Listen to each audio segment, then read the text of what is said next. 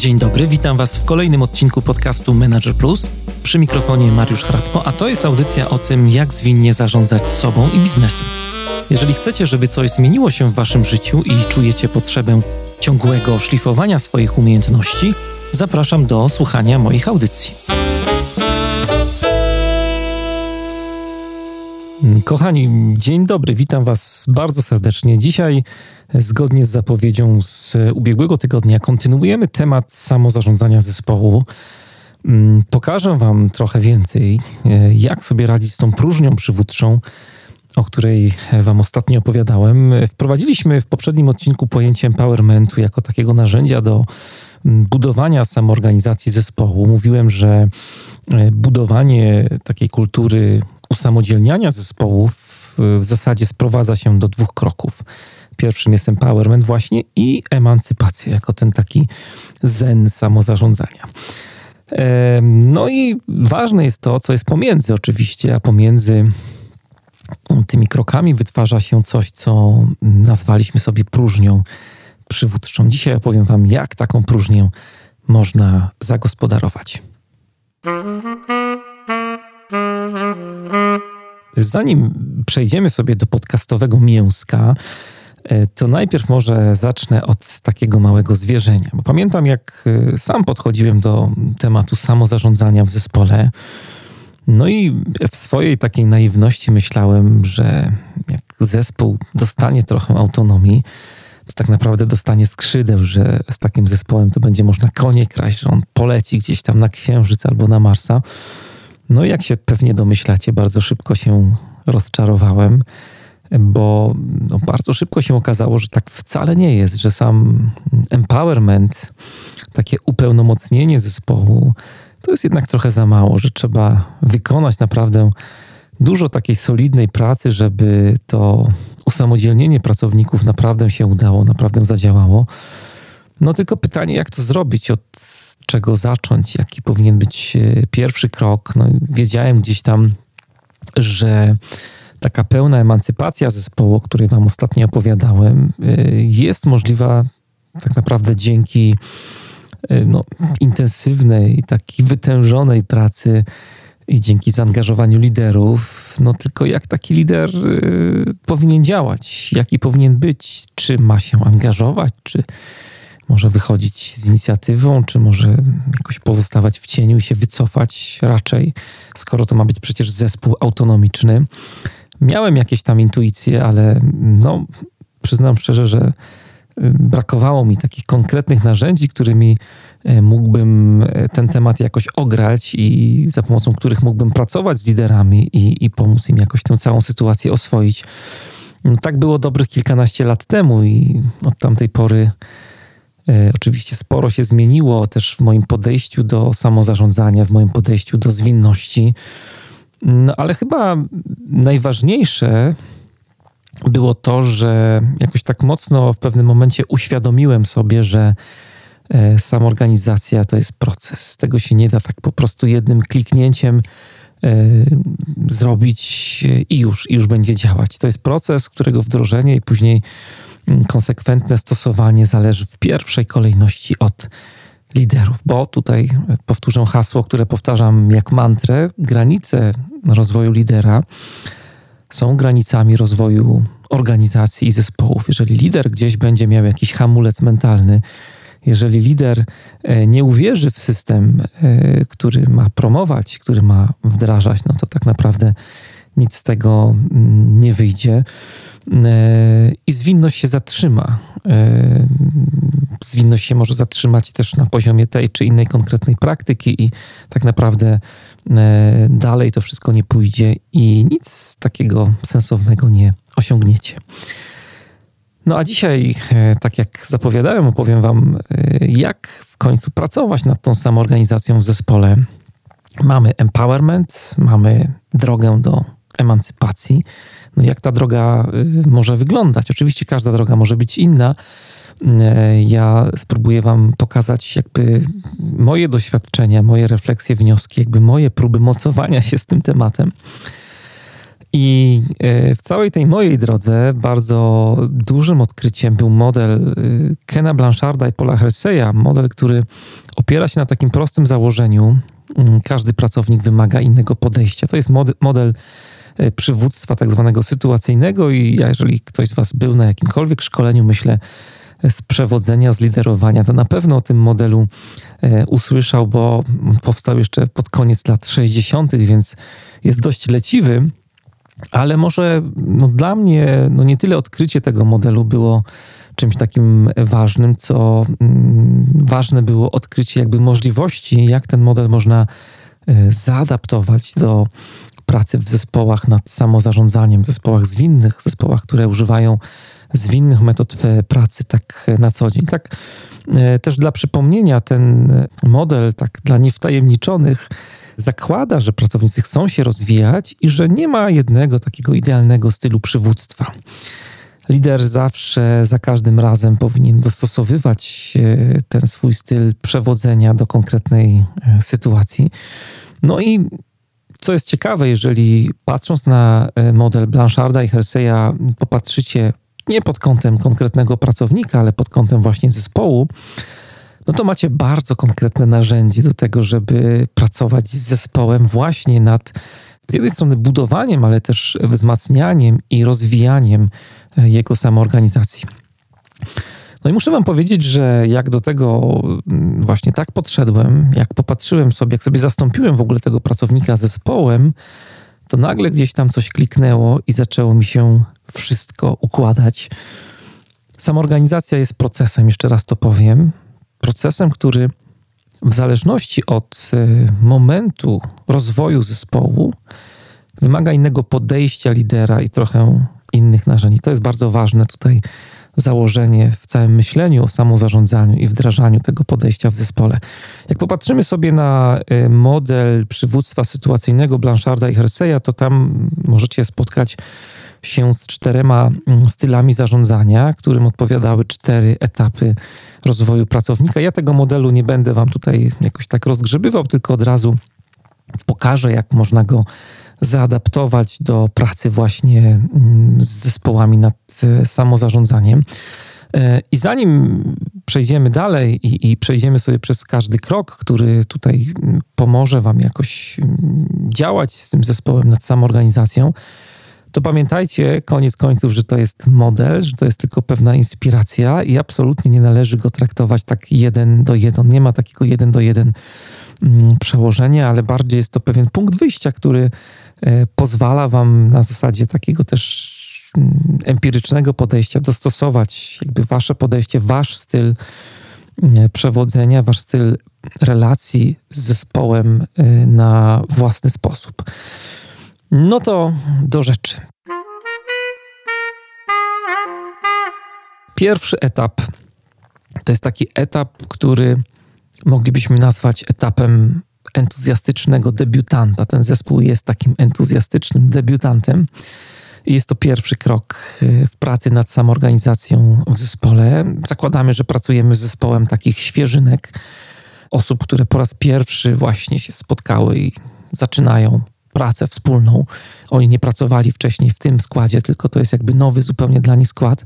No i zaczynają od takiego poziomu startowego, powiedzielibyśmy. Tutaj mm, e, tak naprawdę zespół dopiero zaczyna e, swoją przygodę z samozarządzaniem i co jest ważne na tym pierwszym etapie? Ważne jest szalenie to, żebyście sobie uświadomili, że na tym etapie zespół ma bardzo konkretne potrzeby, które no my jako liderzy powinniśmy umieć zaadresować. O tym się nie pamięta i często się przechodzi do kolejnych etapów od razu w pracy z samoorganizacją.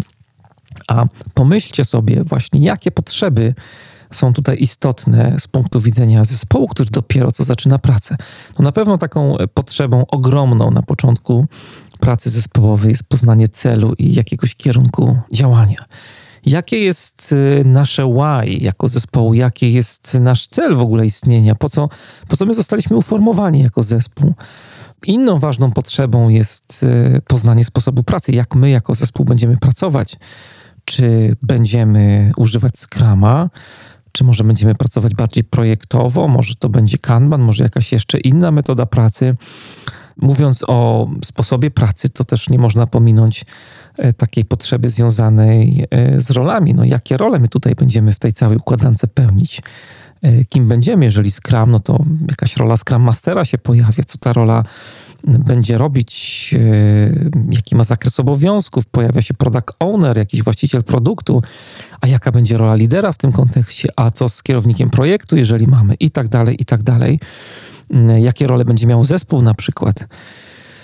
Mm, to jest taki etap, który moglibyśmy porównać, jakbym miał użyć jakiejś takiej analogii, to mm, moglibyśmy go porównać do dziecka, które uczy się jeździć na rowerze. I na początku, zanim pójdzie na ten pierwszy taki taką rozruchową jazdę, to, to dziecko jest tak mocno podekscytowane, że w zasadzie dzień wcześniej to nie może spać w nocy, bo myśli sobie, jak to będzie fajnie na tym rowerze jeździć, no bo jutro będę właśnie już jeździł i e, ciężko mu jest w nocy zasnąć. On tak naprawdę ten dzieciak nie wie jeszcze, jak, jak na tym rowerze się jeździ, ale mm, ta jego ekscytacja sięga zenitu. No i podobnie jest właśnie z zespołem e, na tym etapie i dlatego też Blanchard i Hersey e, nazwali tę fazę Mm, ten początkowy etap tutaj pracownika, ale my to tak naciągamy trochę na zespół. E, nazwali go entuzjastycznym debiutantem, bo właśnie to jest taki etap, taki moment w zespole, kiedy poziom motywacji jest ogromny. To jest taki czas, kiedy no ludzie, jak wdrażacie na przykład Scrama, no chcą pracować w tej metodzie, są tacy podekscytowani pracą w tej metodzie, bo o tym się dużo mówi. Agile jest trendy na przykład, no i my też chcemy tak pracować. E, I jeśli chodzi o, teraz powiem parę słów o relacji lidera do zespołu, mając gdzieś w tyle głowy to, że zespół no, ma jakieś konkretne bardzo potrzeby, mając w tyle głowy właśnie tę informację, e, mając informację też, że poziom zespołu, jeśli chodzi o motywację, jest duży, to na tym etapie, tutaj pewnie część z Was, takich zagorzałych fanów zwinności, E, zmarszczy brwi teraz, ale to jest taki etap, który mm, od liderów oczekuje wejścia w buty takiego nauczyciela, który udziela instrukcji temu zespołowi. E, wiem, że to bardzo dziwnie brzmi, bo przecież no, sama organizacja, no to ten zespół powinien sam pracować, ten zespół powinien sam się organizować, sam e, sobie mm, definiować zadania, przypisywać się do tych zadań, sam powinien monitorować pracę. No ale Pan Hrabko tutaj mówi o tym, że mm, jakieś instrukcje powinny być na początku, powinien być jakiś lider, nauczyciel i tak dalej. Co to w ogóle jest?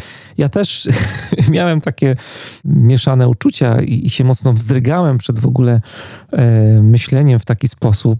E, w ogóle jak ktoś mówił o jakimś takim instruowaniu zespołu, to patrzyłem tak z boku trochę na to na początku. Ale no, kolejne doświadczenia pracy z zespołami pokazują, że ten etap bycie nauczycielem dla zespołu, takiego lidera jest ogromnie potrzebny. Mm, I jeżeli oswoicie się z takim myśleniem, jeżeli oswoicie się z tym, że zespół ma te konkretne potrzeby i, właśnie udzielając instrukcji zespołowi, te instrukcje to może w cudzysłów powinniśmy wziąć, mm, ale to bardzo otwiera e, oczy. I teraz na co jako liderzy możecie zwrócić uwagę na tym etapie? Przede wszystkim, ja to podkreślam ostatnio, do znudzenia bardzo ważne jest we wszystkich takich problemach, które mamy, czy wyzwaniach związanych e, czy ze zwinnością, czy na przykład z konkretnym tematem samoorganizacji. Bardzo ważne jest kształtowanie świadomości ludzi.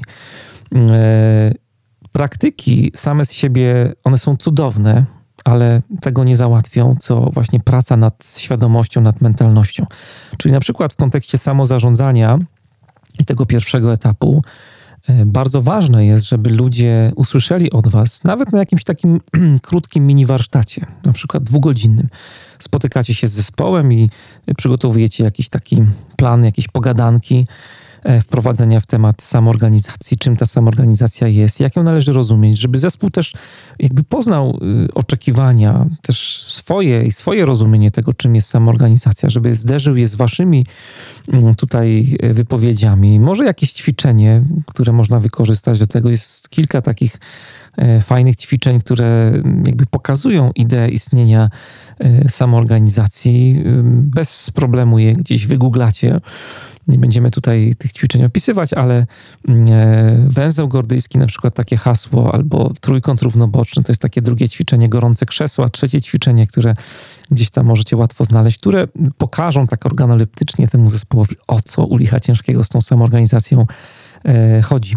E, budowanie świadomości to też są szkolenia i jeżeli mówiłem wam, że taką ważną potrzebą zespołu na pierwszym etapie pracy z samorganizacją jest zrozumienie procesu pracy. Samorganizacja jest elementem procesu, na przykład takiej metody, jaką jest Scrum, czyli szkolenie na temat e, metody pracy. To też jest dobry moment, żeby to zrobić właśnie tutaj na początku, z narzędzi, z których będziecie korzystać. Kolejna rzecz, kontraktowanie pracy zespołu, ustalanie wspólnych zasad pracy, ogromnie ważne na tym pierwszym etapie. Kolejna rzecz, e, którą sobie tutaj wynotowałem, żeby Wam powiedzieć, to są e, wyczucie granic, pokazanie granic naszej autonomii. To, to może się zadziać przy okazji rozmowy o samorganizacji czy budowania świadomości, ale ważne jest też, żeby ludzie jakoś sobie uświadomili, żebyście o tym pogadali, że samoorganizacja to wcale nie jest chaos, to nie jest żadna wolna mm, Amerykanka, życie bez reguł, bez granic jakichś tutaj e, przypomina mi się taki cytat. Ksiądz Tischner powiedział kiedyś w czasie wykładu: e, Rzadko czujemy się tak wolni jak w tańcu, ale jaką głupotą byłoby tańczyć wbrew muzyce, która gra.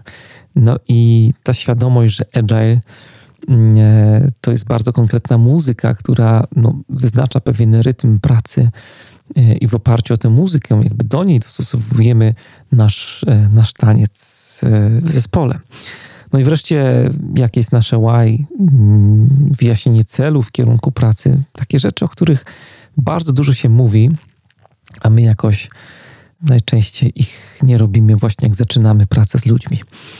To pierwszy etap. Drugi etap, ten drugi etap moglibyśmy nazwać rozczarowany adept. I to jest taki czas w zespole. Tutaj znowu ciężko jest podać jakieś takie, czasami ludzie pytają, no ile to trwa ta pierwsza faza. Ciężko jest podać, ile iteracji na przykład musi upłynąć, żeby y, ten pierwszy etap mieć za sobą. Musicie jakby wyczulić wasze liderskie radary i poobserwować, pooglądać y, różne momenty w zespole i, i wyczuć, gdzie to wszystko jest. Natomiast drugi etap to jest taki etap, gdzie jakbyście sobie mm, obserwowali zespół, to zobaczycie, że no spada motywacja tego zespołu. To jest taka dość istotna charakterystyka tego etapu. To wynika y, na pewno z faktu, że zespół zaczyna się mierzyć z takimi pierwszymi porażkami i niepowodzeniami. No, ten cały skram przecież miał nas wynieść jakąś rakietą na Księżyc, na Marsa mieliśmy lecieć, a tu proszę. Wcale tak kolorowo nie jest. Nie jesteśmy w stanie mm, realizować celów naszych sprintów, nie radzimy sobie kompletnie e, z dekompozycją wymagań. Te wymagania są za duże, w związku z tym my nie jesteśmy w stanie realizować naszych planów. Mm, mówiąc kolokwialnie, nie dowozimy pracy. No ale kompletnie nie mamy pojęcia, jak sobie z tym radzić. Ten cały proces skramowy w ogóle nam nie idzie. No, no nie jest tak. No, miało być zupełnie inaczej płacz w rękaw tutaj się pojawia. E, pod tym względem ta faza właśnie przypomina trochę takie dziecko, które zalicza pierwszą wywrotę na rowerze. No, miało być tak fajnie, no a tu zdarte kolano, piecze mnie potwornie to kolano, krew się leje. Mamo, tato, no to nie tak miało być. Ten, ten rozdźwięk między oczekiwaniami a rzeczywistością rodzi taką uzasadnioną frustrację.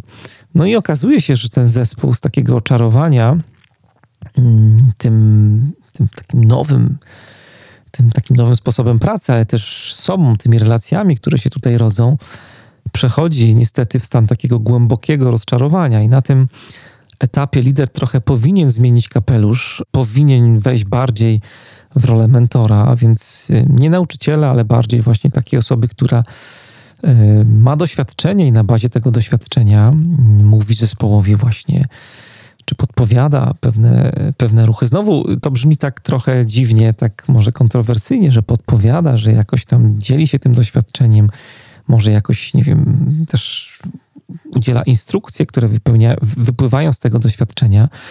Ale znowu to jest taki moment, który jest zespołowi bardzo, bardzo potrzebny. To jest y, taki moment też, kiedy zespół już mniej więcej rozumie proces pracy, rozumie tego skrama na przykład. Już mniej więcej wie o co chodzi w tej metodzie, ale ta metoda Scrum wydaje mu się no, dużo trudniejsza niż sobie wyobrażał czy myślał wcześniej. Pojawia się zniechęcenie, siada motywacja, o czym już mówiłem. Są sytuacje, które go po prostu przerastają, z którymi sobie nie radzi. Tutaj y, bardzo ważne jest, żebyście jako liderzy byli takim faktycznym wsparciem dla zespołu. Szczególnie jeśli no, myślicie o samozarządzaniu tego zespołu. To jest taki kolejny ważny etap. Y, ten mentoring to jest może więcej instrukcji jeszcze, ale takich instrukcji, które wypływają z waszego doświadczenia, ale też ważne, wypływają z dialogu z zespołem. No, zespół na przykład skarży się na jakąś sytuację. No, załóżmy, że no nie może sobie poradzić, denerwuje go to, że jakby nie ma takiego stałego rytmu pracy, nie może wymyśleć, jaka powinna być e, idealna dla niego długość iteracji pracy. Czy to ma być dwa tygodnie, czy może trzy, cztery, może krócej. No i wy z tego nauczyciela z pierwszego etapu wchodzicie w rolę mentora, albo możecie wejść i możecie powiedzieć, no słuchajcie, jak ja pracowałem w tej w tej firmie z takim a takim zespołem, to no, przechodziliśmy przez jakby podobne bolączki. Pamiętam, że jakby po nastu sprintach, iteracjach mm, wiem bardzo dobrze, że na początek jednak sprinty lepsze są krótsze, także wytrzymajmy z tymi krótszymi sprintami, nie zmieniajmy ich póki co, bo jak są krótsze sprinty, to my się dużo więcej uczymy. I to jest dla nas lepsze. Potem, jak już nabierzemy pędu czy rozpędu, to to warto te sprinty rozszerzyć, żeby mieć czas na jakieś takie innowacyjne eksperymenty, żeby być bardziej kreatywnymi w rozwiązaniach, mieć czas na to wszystko i tak dalej. I tak dalej. Czyli znowu dajecie wskazówki temu zespołowi, no ale zauważcie, że to nie jest takie udzielanie instrukcji jak nauczyciel, tylko bardziej e, liczenie się też z zespołem, z pytaniami, z sugestiami tego zespołu. To jest ważne. Mentor to jest ktoś, kto jest jakby w relacji, w dialogu to nie jest ktoś, kto jakby narzuca e, pewne rozwiązania, ale też mentoring to jest menti, czyli jakby współpraca z menti. To jest ważne bardzo tutaj, żebyście byli czujni na problemy, które są dla zespołu ważne i umieli o tych problemach e, rozmawiać. Tutaj na tym etapie też takim ważnym celem jest e, zbudowanie w zespole, powiedziałbym, takiej pewności siebie że to, co robimy, ma sens. E, uświadomienie sobie przez zespół, że no, niepowodzenia są takim naturalnym elementem procesu uczenia się. To jest absolutnie normalne, że, że nam nie wychodzi. Ważne jest, żeby zespół faktycznie zrozumiał, że jest to ważny element procesu uczenia się. Jeśli chodzi o szkolenia natomiast, to o ile w tym pierwszym etapie mówiłem wam, że Możecie zespołowi zafundować takie szkolenia bardzo bazowe, basicowe, dotyczące procesu pracy, jak na przykład metody Scrum, narzędzi, z których zespół będzie y, korzystał. To tutaj mm, na tym etapie możecie wprowadzać już szkolenia, które dotyczą jakby konkretnych tematów związanych z procesem pracy, na przykład już takich szkole, takie szkolenia na temat planowania, na temat y, lepszego szacowania, ale też no, bardzo ważne jest budowanie świadomości w obszarze relacji, czyli możecie pomyśleć o jakichś szkoleniach z udzielania informacji zwrotnej, e, szkolenia mm, dotyczące komunikacji NVC, mm, wprowadzenie na przykład modelu Freeze, e, czy popatrzenie na różnorodność w zespole, zrobienie jakichś warsztatów wokół tego. To są wszystko takie rzeczy, które na tym etapie mogą się bardzo przydać. I tak sobie myślę jeszcze, że z takich zupełnie technicznych y, praktyk, które jeżeli na przykład pracujecie albo myślicie o, mm, o tym, żeby łączyć samo zarządzanie z metodami agile'owymi, ja tak daję przykłady takie mocno skramowe tutaj cały czas, ale to nie musi być tak, że pracujecie z użyciem metod zwinnych, tylko w ogóle sama organizacja was kręci i po prostu y, chcecie mm, pracować nawet w zespołach, które metod zwinnych nie używają. To jak najbardziej tak i będę wam bardzo kibicował. Natomiast e, są takie praktyki, które e, ja osobiście wprowadzam w zespołach, jak pracujemy nad e, budowaniem świadomości, uczeniem się samoorganizacji. Jedną z nich jest praktyka swarmingu. To jest swarming z angielskiego, to jest jakby rojenie się. Możecie nazwać tę metodę metodą roju albo rojenia się, jak chcecie. E, I ta idea jakby pracy polega na tym, że w ramach iteracji umawiacie się z zespołem, że w danym momencie pracujecie tylko i wyłącznie nad jednym wymaganiem, nad jednym zadaniem, nad którym pracuje wspólnie cały zespół. I w tym czasie, to jest ważne założenie tej metody, nie robicie nic innego, tylko koncentrujecie całą swoją uwagę na tym konkretnym zadaniu. To może być historyjka użytkownika, jeżeli pracujecie na y, user stories, to może być jakieś wymaganie mm, produktowe i tak dalej, i tak dalej. Jak ją kończycie, przechodzicie do kolejnej i znowu pracujemy jako zespół w całości nad tym konkretnym zadaniem. Oczywiście yy, taka dobra rada na początek, nie róbcie tego na wszystkich wymaganiach, znaczy nie, nie używajcie swarmingu do wszystkich zadań z waszej iteracji. Wybierzcie sobie na początek takie najważniejsze, nie wiem, dwa zadania na przykład, żeby popróbować, jak to wszystko może działać. Ta metoda e, bardzo integruje zespół i ta metoda e, uczy różnorodności w zespole, ale też różnorodności w kontekście e, różnorodności kompetencyjnej, czyli ludzie uczą się, kto w czym jest dobry, kto z kim może pogadać, jak pogadać właśnie na nad tym, żeby właśnie lepiej się współpracowało w tym zespole, więc swarming idealnie się do tego nadaje. Druga praktyka to jest e, nieprzypisywanie się do zadań podczas planowania. Czyli jak zespół sobie jakby rozbija temat na y, jakieś tam zadania, y, to no jest taka naturalna tendencja do tego, żeby poprzypisywać osoby, tak jak wcześniej robił szef, nie? To my się poprzypisujemy do tego, i będzie z głowy. To lepiej jest tego nie robić właśnie na początku, żeby budować taką mentalność y, samozarządzania, taką ideę od samego początku. Fajnie i tutaj trzecia praktyka, którą też Wam mogę podpowiedzieć i fajnie działa, to jest wrzucanie na tablicę, jeżeli używacie wizualizacji różnych, albo jeżeli pracujecie na jakichś tam narzędziach elektronicznych, zadań w postaci y, potrzebuje tutaj pomocy, na przykład od innej kompetencji w zespole, od innej roli, albo zadań typu knowledge sharing, wymiana wiedzy, gdzie dwie osoby y, jakby uczą się wzajemnie swoich obszarów specjalizacji po to, żeby pokazywać właśnie znowu różnorodność i wymieniać się doświadczeniami, wymieniać się wiedzą i budować y, tę ideę tego, że my sami zarządzamy sobą, żeby dobrze sobą zarządzać, to musimy się dobrze znać, musimy poznać swoje obszary specjalizacji, no po to, żeby po prostu było łatwiej. Trzeci etap pracy nad samoorganizacją w zespole to etap, który nazwiemy sobie kompetentny, lecz ostrożny praktyk. Ten trzeci etap jest już taki dość zaawansowany, a więc w nazwie jest ta kompetentność, kompetencje ten etap jest zaawansowany, jeśli chodzi o relację lidera z zespołem, i tutaj lider już jest taki bardziej wycofany w porównaniu do dwóch pierwszych etapów. No, to wynika też z pewnej dojrzałości, którą e, zespół posiada czy posiadł, i już etapu rozwoju samego zespołu. Ten zespół, jeśli mm, chodzi o samozarządzanie, to bardzo dobrze zna już swoje takie codzienne obowiązki, potrafi sam zarządzać swoimi zadaniami. Ma jeszcze no, sporo problemów, które z tego wynikają, i y, ta samoorganizacja nie jest jeszcze na takim super wysokim poziomie, ale już temu zespołowi nieźle idzie. Y, ma świadomość tego, że już jest kompetentny w tym, co robi, ale taką y, rzeczą, nad którą trzeba pracować na tym etapie, która jest bardzo ważna, to jest pewność siebie. Lider powinien wziąć pod lupę tutaj pewność siebie zespołu, bo ten zespół tak e, jak obserwuję różne zespoły gdzieś tam w pracy, to mam wrażenie, że tak do końca nie wierzy, że to, co robi, to jest, to jest dobre. Jak się kłócą, to tak naprawdę nie wiedzą, czy to jest ok, że się kłócą, czy, czy się nie powinni kłócić, o co w ogóle chodzi. Jak e, biorą sprawy w swoje ręce, jak, e, nie wiem, pracują nad procesem, usprawniają ten proces, to czasami ludzie nie mają takiej pewności siebie, że no, to jest to, o co w tym wszystkim chodzi, o, to, o co chodzi w tej samoorganizacji. I to jest znowu taki moment, jakbyśmy zrobili taką analogię do dziecka i, i, rower, i, i nauki jazdy na rowerze. No to to jest taki moment, kiedy dziecko pierwszy raz idzie na ten rower bez rodzica.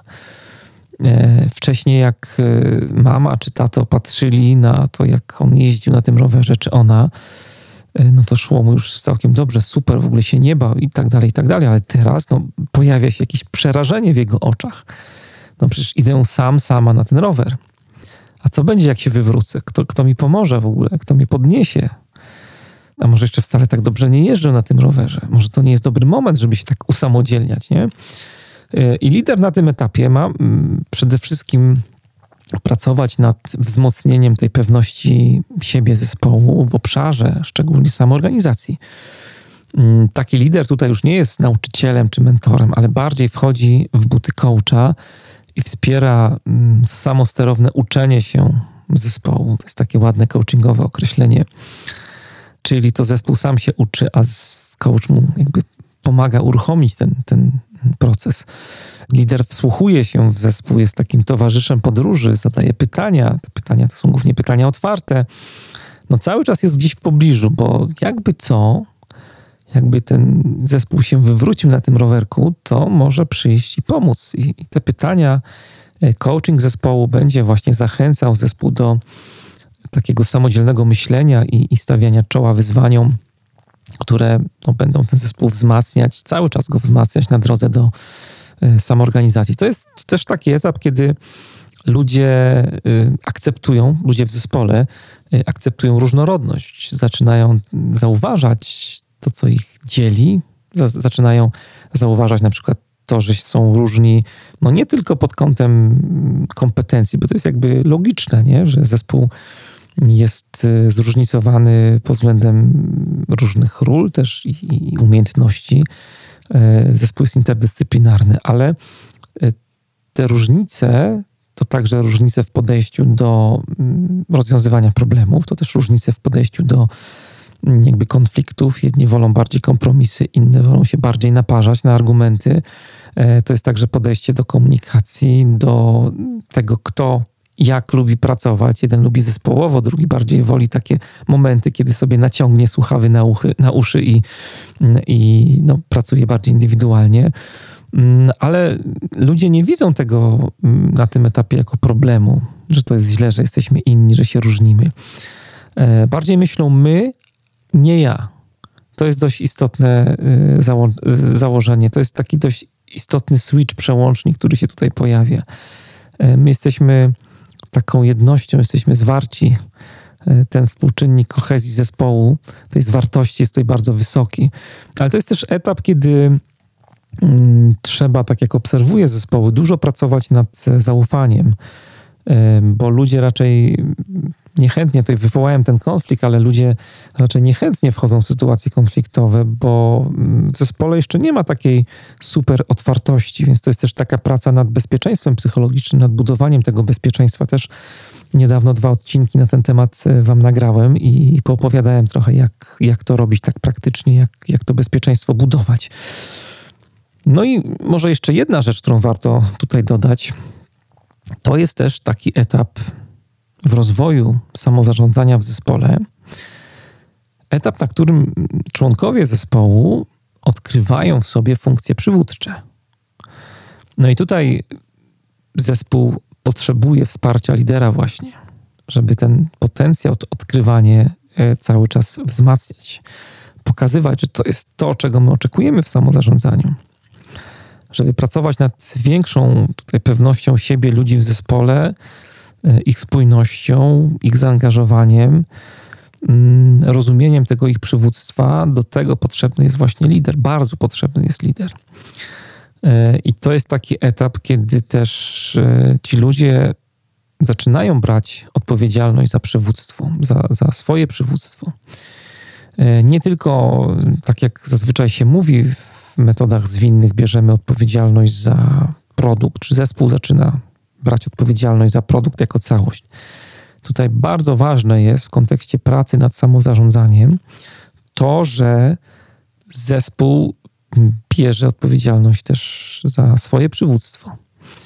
Czwarty etap, ostatni już, to etap, który nazwiemy samodzielnym ekspertem jak się domyślacie, to jest ten etap, do którego no, zmierzamy. To jest tak jak ta prawda w nauce, której nigdy nie możemy osiągnąć, ale cały czas ta droga do niej jest dosyć istotna. Pojawiają się nowe teorie, eksperymenty i zmierzamy, i zmierzamy do tego naszego celu. To jest taki etap, w którym zespół już funkcjonuje w miarę samodzielnie i sam mm, zarządza swoją pracą. Członkowie takiego zespołu sami się instruują i sami udzielają sobie wsparcia. Przywództwo jest takie przywództwem, jest takim przywództwem dystrybucyjnym, rozproszonym. Każdy jest liderem. Mamy model lider, lider, lider, o którym wam opowiadałem w poprzednim odcinku. No i ludzie mają pełny udział taki w osiąganiu celów tego zespołu. E, zespół też bardzo dobrze zna proces pracy, potrafi ten proces adaptować, tuningować na różne sposoby, e, radzi sobie z trudnymi sytuacjami, wyzwaniami. E, no i ludzie biorą odpowiedzialność za mm, to swoje liderowanie. No i to jest taki etap mm, dla lidera dosyć trudny, bym powiedział, bo ten lider odchodzi w cień, wycofuje się, ale to nie jest tak, że on jest niepotrzebny tutaj zupełnie. Wielu liderów tak trochę, y, jak, jak rozmawiam z nimi, mm, mieliśmy nawet taką dyskusję na początku, w pierwszej edycji, jak uruchomiliśmy nabór do naszej platformy dla liderów Agile Leadership Tribe, to jeden z pierwszych tematów, który przerabialiśmy w ramach miesięcznego wyzwania była samoorganizacja i tak na jednym ze sesji live rozmawialiśmy o tym, że tak na dobrą sprawę e, tutaj od liderów na tym etapie oczekuje się trochę samoprzywództwa, oczekuje się od nich trochę takiego mm, znalezienia sobie miejsca, po Zauważcie, że pracujemy cały czas nad y, samozarządzaniem w zespole, ale mm, jakby tutaj do czwartego etapu mamy jakiś pomysł na to, co z tym robić w kontekście pracy z zespołem, a tutaj nagle pojawia się taki, taki moment, taki etap, kiedy w zasadzie, no co, jesteśmy niepotrzebni jako liderzy? Jeżeli jesteśmy potrzebni, to co powinniśmy robić? Tak na dobrą sprawę. I tutaj mm, bardzo ważne jest, czy będzie, jeżeli myślicie o tym, o tym modelu, właśnie takie podejście bardzo proaktywne w myśleniu w kontekście jakby samego siebie jako lidera. E, tu musicie pokazać zespołowi na tym etapie, że macie pełne zaufanie do niego i dajecie mu wolną rękę po prostu do pracy, ale nie znikacie całkowicie. E, mówiłem, że jesteście wycofani, czyli jesteście w trybie takiego stand-by'a trochę, czuwacie, jakby co to po prostu się pojawiacie w tym zespole, ale wkraczacie, wkraczacie tylko wtedy, kiedy zespół was e, o to poprosi. Nie narzucacie się temu jakoś zespołowi, tylko zakładacie taką partnerską dojrzałość tego zespołu, mm, ufacie mu, że jak będzie problem, jak będzie was potrzebował, to ten zespół wam o tym powie. E, I tutaj ważnym, ogromnie ważnym zadaniem lidera na tym etapie jest też mm, no, zabezpieczenie autonomii tego zespołu w ramach wyznaczonych granic. W ogóle dbanie o standardy, dbanie o relacje i dbanie o rozwój. To jest trochę tak jak z tym akwarium, gdzie, gdzie rybki mają brudną wodę, a wy jak stoicie z boku, to dużo więcej widzicie czasami, nie? I możecie bardziej pomóc, bardziej, mm, bardziej zareagować. To jest też yy, taki dobry moment, jakbyście myśleli o swoim miejscu w całej tej układance, będąc na czwartym etapie, żeby pomyśleć po pierwsze, o tym, jak wy możecie zaangażować się w proces jakby wdrażania wartości czy, czy idei samoorganizacji na innych wyższych poziomach, na przykład w organizacji. Czyli możecie myśleć też o pracy nad kulturą organizacyjną e, i zaangażować się w różne działania na tym poziomie. Znam liderów, którzy właśnie tak robią, jak przychodzi taki e, moment dla nich e, właśnie ekspercki w kontekście pracy z zespołem, czyli, czyli mają zespół samodzielny ale to jest też taki dobry moment, kiedy mm, możecie pomyśleć o pracy nad samozarządzaniem w innym zespole. To nie jest tak, że ten zespół jakby musi być przypisany do Was na zawsze i to jest jakoś wybite w kamieniu, e, ale to jest taki dobry moment, żeby właśnie już tutaj być mniej zaangażowanym, ale może przełączyć się i pracować nad rozwojem innego zespołu. Ja bardzo tutaj lubię taki przykład, który możecie przeczytać w książce, którą już e, Wam przytaczałem, Frederick Lalu, Pracować Inaczej. W poprzednim odcinku też wspominałem o tej książce w kontekście właśnie takich pozytywnych przykładów, że sama organizacja to nie jest tylko agile.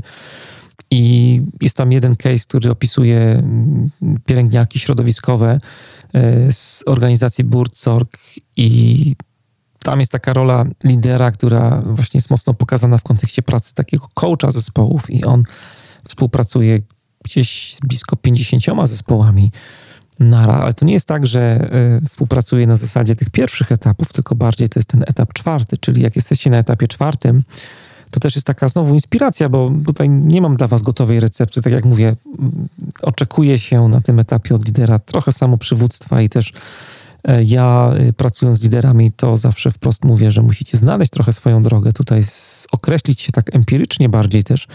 No ale właśnie biorąc ten case y, organizacji Burzorg jako przykład, no to jest świetny też y, kierunek działania, że jesteście liderem, który E, jest takim liderem wycofanym w cieniu, ale dla wielu zespołów, które już zostały doprowadzone do, e, do tego etapu, no, można o tym zrobić oddzielny odcinek, więc nie chcę się tutaj bardzo rozgadywać, ale tak was zostawiam trochę, zarybiam temat, że tak powiem. E, no i właśnie, cztery etapy mamy za sobą. Dwie uwagi jeszcze na koniec, zanim dobrniemy do końca dzisiejszego odcinka, to chciałbym jeszcze o dwóch rzeczach powiedzieć. Pamiętajcie przede wszystkim to, co mówiłem już na samym początku dzisiaj, że ten model Blancharda i Herseya to jest tylko model. To jest model, który powinniście traktować jako pewną inspirację do wypracowania własnego podejścia w pracy nad rozwijaniem i wzmacnianiem samoorganizacji zespołu. Ja Wam też pokazałem ten etap czwarty tak bardzo szeroko, w taki sposób bardzo otwarty. To jest coś, co ja uwielbiam robić. Empiryzm w ogóle e, to jest e, jeden z filarów w ogóle zwinności, ale ten filar tak mocno przesiąknął w moim życiu, że praktycznie e, ta praca na doświadczeniu, to uczenie się na błędach, wyciąganie wniosków z niepowodzeń, to jest coś, co jakby stało się częścią mojego jakiegoś takiego życiowego DNA. I w ogóle y, coraz bardziej lubię takie systemy otwarte pracy, gdzie y, to ja czuję sprawczość, to ja wiem, że mam ogromne zasoby wewnętrzne, z których mogę skorzystać, y, że mam ogromny, ogromny potencjał jako człowiek, który jest już w pewnym momencie rozwoju, jeśli chodzi o narzędzia no pozostaje tylko z nich korzystać. Ja nie muszę czekać na jakieś recepty, które, jakieś pigułki, mm, które dostanę od kogoś, nie wiem, jakieś metody, które ułożą moje życie na nowo. Ja mogę sobie to życie, jakby swój pomysł na siebie e, układać sam. Nie było tak zawsze, jak, jak tutaj mówię teraz o sobie bardzo mocno, ale, ale myślę, że dochodzenie do takiej dojrzałości, do takiego etapu czwartego, który jest takim, jak, jak czujecie, pewnie wielkim otwarciem na, na doświadczenie w ogóle, bo to doświadczenie nas tutaj dużo uczy i wyciąganie wniosków, zadawanie sobie pytań w ogóle, z jakich zasobów wewnętrznych, które mam, ja mogę teraz skorzystać, żeby zareagować w kontekście konkretnej sytuacji. Zerknijcie w wolnej chwili do odcinka y, o trzech pytaniach, które każdy sobie powinien, każdy lider sobie powinien zadać. Podlinkuję go w materiałach.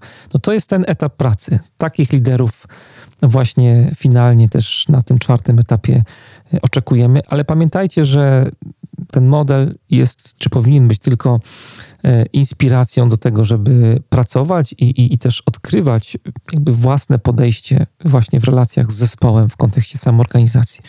No i druga uwaga, to już bardziej taka związana z pracą z tym modelem, e, to pamiętajcie mimo wszystko, żeby trzymać się wyznaczonej ścieżki. Chodzi o to, żeby no nie było tak, że jak e, stwierdzicie, że no to jest świetna inspiracja, ja chcę tak robić, to będziecie jakoś skakać między, między poszczególnymi etapami pracy z zespołem, bo to nie zadziała. To znaczy, no jest tak w rozwoju tego zespołu, że te etapy też po coś są. One jakby budują ten zespół, one ten zespół e, rozwijają.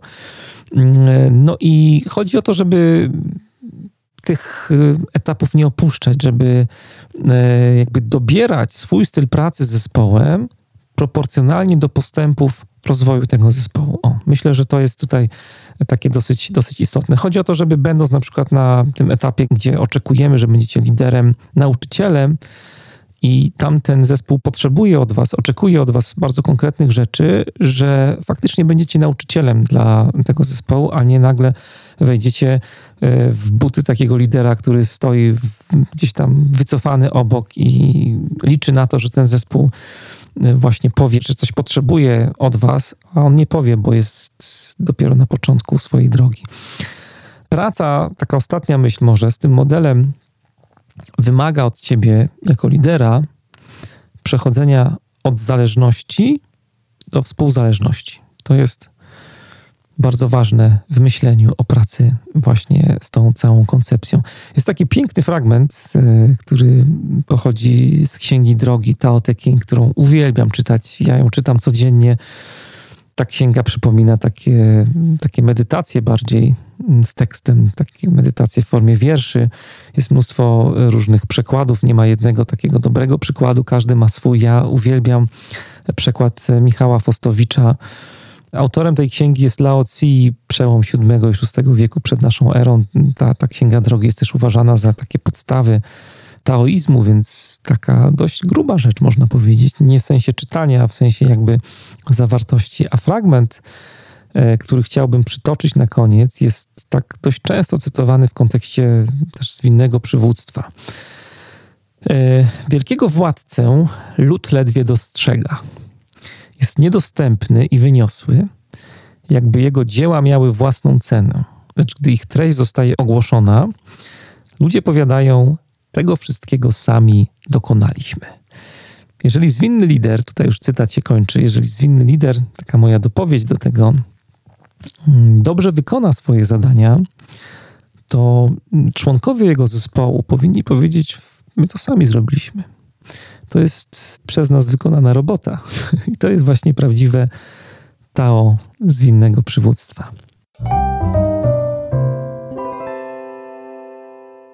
To już e, prawie wszystko na dzisiaj. Na koniec chciałbym Wam przypomnieć o tym, że wciąż trwa rekrutacja na drugą edycję studiów podyplomowych Agile Leadership na Uniwersytecie SWPS. Zaczynamy 20 marca, to jest druga edycja w takim trybie trochę przyspieszonym, bo stwierdziłem, że no po co czekać. Sporo osób pytało, kiedy ruszamy, a do jesieni jeszcze tyle czasu przecież, więc wychodzimy trochę naprzeciw tutaj z tymi studiami i uruchamiamy drugą edycję. Studia z całego serca polecam wszystkim liderom, którzy chcą się uczyć, rozwijać drogę swojego przywództwa, chcą się inspirować E, chcą prowadzić swoje życie zawodowe, mając takie poczucie mm, głębokiego sensu. To jest ogromnie nam potrzebne. Jeżeli takiego poczucia nie mamy, to, to jest źle, to jest słabo. Sens nas zawsze niesie, poczucie sensu nas niesie zawsze w dobrą stronę i, i nawet jak nie będziemy posiadać jakiejś takiej konkretnej recepty, to mm, ten kierunek nam się wyłoni i go odkryjemy. Studia Agile Leadership to jest też fantastyczna społeczność liderów. Ta pierwsza edycja zebrała około 30 liderów tak jak sobie obserwuję e, te osoby, tych naszych studentów, to są to fantastyczni ludzie, którzy są dla siebie partnerami do różnych dyskusji, do wymiany myśli, do wymiany doświadczeń. W zasadzie wszyscy pracują w różnych organizacjach na stanowiskach liderskich, e, średniego, wyższego szczebla. Dzielą się pomysłami też, pracują nad takimi bardzo praktycznymi projektami. No, serce rośnie, jak, jak się na to patrzy i widać, jak ogromna siła też leży w networkingu. Ja mm, z dużym wzruszeniem o tym naprawdę mówię, bo widzę też, jak powoli spełnia się moje marzenie, żeby tworzyć liderów na zwinne czasy, żeby budować tę nową świadomość, żeby budować i odkrywać nowe, mapy e, mentalne. Dlatego, jeżeli chcesz wziąć udział w tym projekcie, to bardzo, bardzo Cię zapraszam. Myślę, że ten ostatni rok, y, rok pandemiczny, dużo nas naprawdę nauczył i nauczył nas tego, że jako liderzy możemy zatrzymać się na strachu. Y, to jest takie bardzo proste rozwiązanie. Jako liderzy możemy też spróbować się dostosowywać. To już jest takie rozwiązanie, które jest trochę trudniejsze i wymaga od nas pewnej inicjatywy. No ale jest jeszcze trzecia droga można pójść po prostu w rozwój i e, do tej drogi Cię bardzo, bardzo zachęcam. Ja się nazywam Mariusz Hrabko. Trzymajcie się i do usłyszenia niebawem.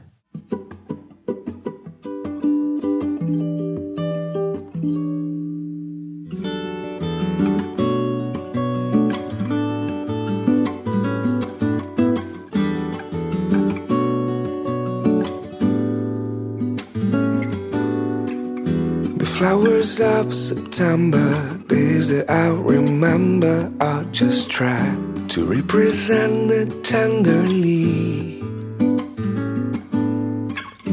Shame on you, surrender to the system like I do. Cowardly. And through the alleyways, we lost control